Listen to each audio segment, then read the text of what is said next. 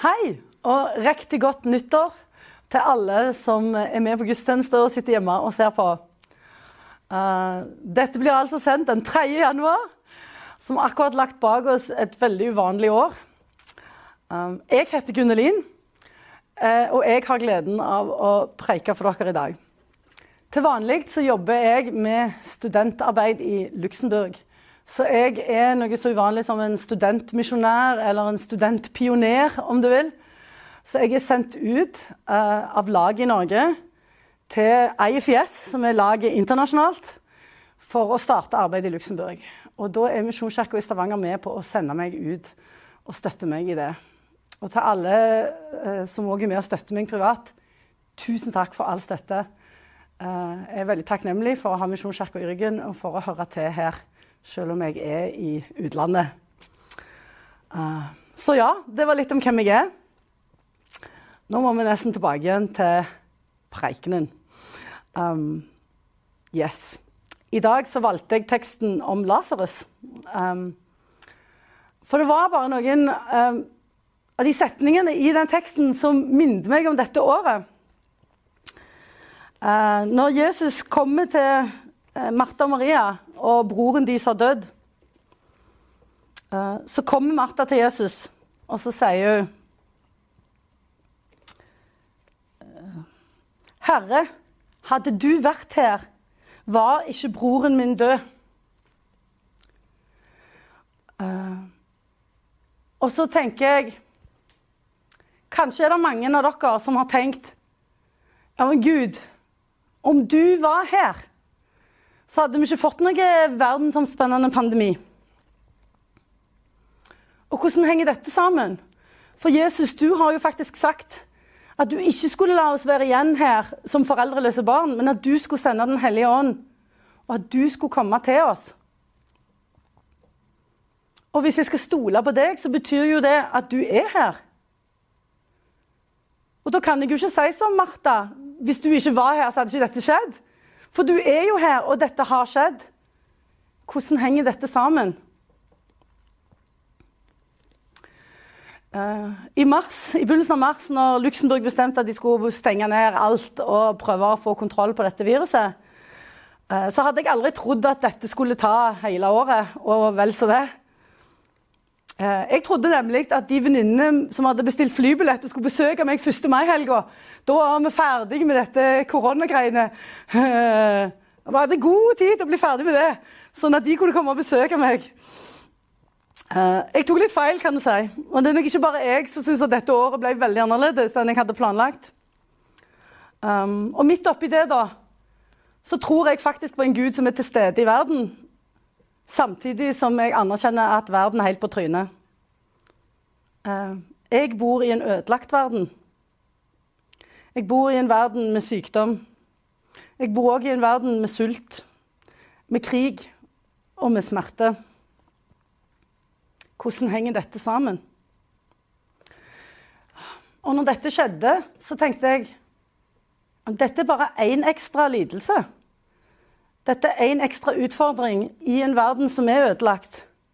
For jeg opplever at Bibelen er veldig tydelig på at verden ikke er sånn som den skal være. I Romerne 8, vers 22, så kan vi lese Vi vet at helt til denne dag sukker og stønner alt det skapte samstemt som i fødselsria. Ja, enda mer.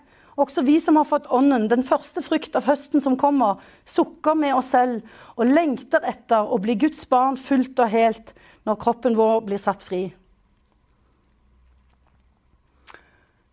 Jeg tenkte ganske mye på det at verden er messa og ødelagt. Og um, at vi lengter til noe bedre. Og kanskje har 2020 vært et år der vi kommer mer i kontakt med den lengselen. Vi har kjent kanskje mer på at ting ikke er som det skal være. Vi har kjent kanskje mer på at vi er svake og sårbare og dødelige. Og får det ikke helt til å gå opp at Jesus er nær og til stede.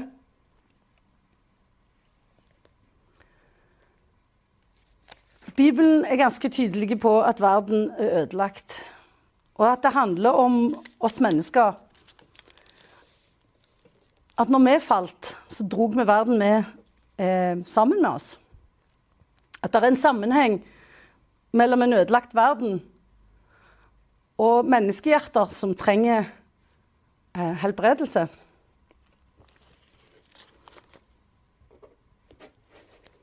Men Jesus har et svar til Martha. Han sier 'din bror skal stå opp'. Og så sier han 'jeg er oppstandelsen og livet'. Den som tror på meg, skal leve om han enn dør. Og hver den som lever og tror på meg, skal aldri i evighet dø. Gud er den samme. Og jeg tror på en Jesus som reiste Lasarus opp fra de døde, og som sjøl døde og sto opp igjen. Og jeg har valgt denne fortellingen fordi han viser oss vår framtid. Han viser oss at selv om enn vi dør, så skal Jesus reise oss opp igjen. Lasarus ble reist opp til et dødelig liv, der han fortsatte å være sårbar. Der han fortsatte å trenge hjelp fra søstrene sine og fra Gud. Et liv som ligner på vårt nå. Men han hadde en erfaring. At Jesus har makt over døden. Jeg har ikke opplevd det Lasarus har opplevd. Men jeg lever med en tilstedeværende Jesus som har stått opp fra de døde, og som har lovt at vi som tror på Han, vi skal òg stå opp. En som har sagt han skal komme igjen til en verden som stønner og lengter etter å bli satt fri. Og sette han fri. En som kommer for å helbrede jeg liker ordet 'helbrede', for det er hel, har hel i seg. Han kommer for å gjøre noe som er brutt helt. Han kommer for å sette sammen det som er ødelagt. Han kommer for å gjøre verden ny. Og han kommer for å gjøre meg ny. Jeg tror på en ny himmel og en ny jord når Jesus kommer igjen. Og akkurat som israelittene, når de gikk i ørkenen, så var ikke omstendighetene de så veldig gode. Ja, De lengta faktisk tilbake igjen til kjøttgrytene i Egypt og syntes at livet i Egypt hadde vært bedre på mange måter enn når de vassa rundt i ørkenen i 40 år. Allikevel så hadde de håp i ørkenen. De hadde ikke sett det lova landet. De hadde et løfte om et nytt land. Og hva gjorde at de hadde det håpet? Jo, de hadde en erfaring av at Gud hadde satt dem fri fra Egypt. Han var den som hadde ført dem ut. Og han som hadde makt til å føre dem ut. Han hadde makt til å holde løftet sitt om det nye landet. Derfor kunne de vandre rundt i vanskelige omstendigheter med håp. Hvordan følger vi Jesus i en verden som gjør vondt? Jo, vi følger Jesus sånn som folk alltid har fulgt Jesus. De første kristne opplevde pandemi allerede på, i år 160 i Romerriket. Um, den romerske legen flykta til landstedet sitt. De skjønte at det var smittsomt. og Familier begynte å kaste sine syke ut på gatene for å ikke bli syke sjøl. Og midt i den situasjonen kom det kristne og begynte å ta vare på de som hadde blitt kasta ut av husene de som de ikke var i familie med, for de fulgte Jesus. Og noen av de gjorde det med livet som pris. Hvordan følger vi Jesus i 2021? I oktober markerte Italia at 179 av legene deres hadde dødd av korona. Det ligner ganske mye å følge Jesus nå og da. Jeg er så sykt takknemlig for alle de som jobber i helsevesenet, og at jeg kan stole på at hvis jeg blir syk, så får jeg hjelp. Og samtidig så vet vi at det er mer ensomhet, mer depresjon og mer angst. Det gjør noe med oss å kjenne på vår egen sårbarhet. Og selv om jeg ikke er sykepleier, så kan jeg være med og følge Jesus og ringe en venn. ringe noen som sitter alene. Spørre om jeg skal handle for noen. Prøve å se de som er rundt meg, om de er reddere enn de har vært før. Og være til stede. Kanskje med to meters avstand, men likevel. Så kan vi være med og bry oss om andre. Og vi som ikke er sykepleiere. Jeg følger Jesus i 2021 fordi han er den han er òg i dag. Fordi han er oppstandelsen og livet. Fordi han vet hvordan det er å være menneske. Og han blir berørt av Martha og Maria sin sorg. Og den historien vi har lest i dag, så har vi sett at Jesus grein. Jeg følger en Jesus jeg kan snakke med om livet. En jeg kan komme med alt til. Og så kan jeg be han om hjelp til å se de som er rundt meg, og spørre han hvordan kan jeg tjene andre, og hvordan kan jeg tjene deg med det du har gitt meg. Et av mine forsett for 2021 det er at jeg skal utsette mindre de tingene som er viktig. Så hvis Gud minner meg på noe, at jeg ikke gjør det i morgen, men at jeg gjør det i dag. Jeg vil være modigere i 2021. Og det betyr å gå nå, og ikke i morgen. Å være mindre redd for å gjøre feil, og være mindre redd for hva andre tenker. Og være mer opptatt av å spørre Gud hva vil du at jeg skal gjøre i dag? Hvem kan jeg gå til i dag? Og hvis han minner meg på noe, og har mot til å gjøre det.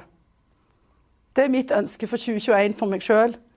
Og det er òg mitt ønske for 2021 for dere. Hva trenger vi for å følge Jesus? Vi trenger ikke nødvendigvis styrke. Vi trenger ikke nødvendigvis færre restriksjoner. Vi trenger ikke nødvendigvis helse. Men jeg kan være svak og allikevel villig til å gå med det jeg har og vi kan bære med oss et håp. Akkurat som israelittene så tilbake på utgangen av Egypt for å se framover mot løftet, så kan vi knytte vårt håp til personen Jesus og se på han, hvem han er, hva han har gjort, for å vite at han skal komme igjen og fornye alt. Vi kan være bærere av håpet om en bedre verden. Ikke et kanskje-håp, men et visshet-håp. Fordi vi ser på Jesus. Jeg ønsker deg Guds rike velsignelse i å følge Jesus i 2021. Og være raus med andre og deg sjøl. For vi får lov å følge Jesus i nåde. Og gjør vi feil, så prøver vi igjen. For vi kommer til å få nye sjanser. Hjertelig godt nytt år. Et nådens år. Et år der Jesus får lov å gjøre ting nye. Ære være Faderen og Sønnen og Den hellige ånd, som var, er og blir en sann Gud fra evighet og til evighet. Amen.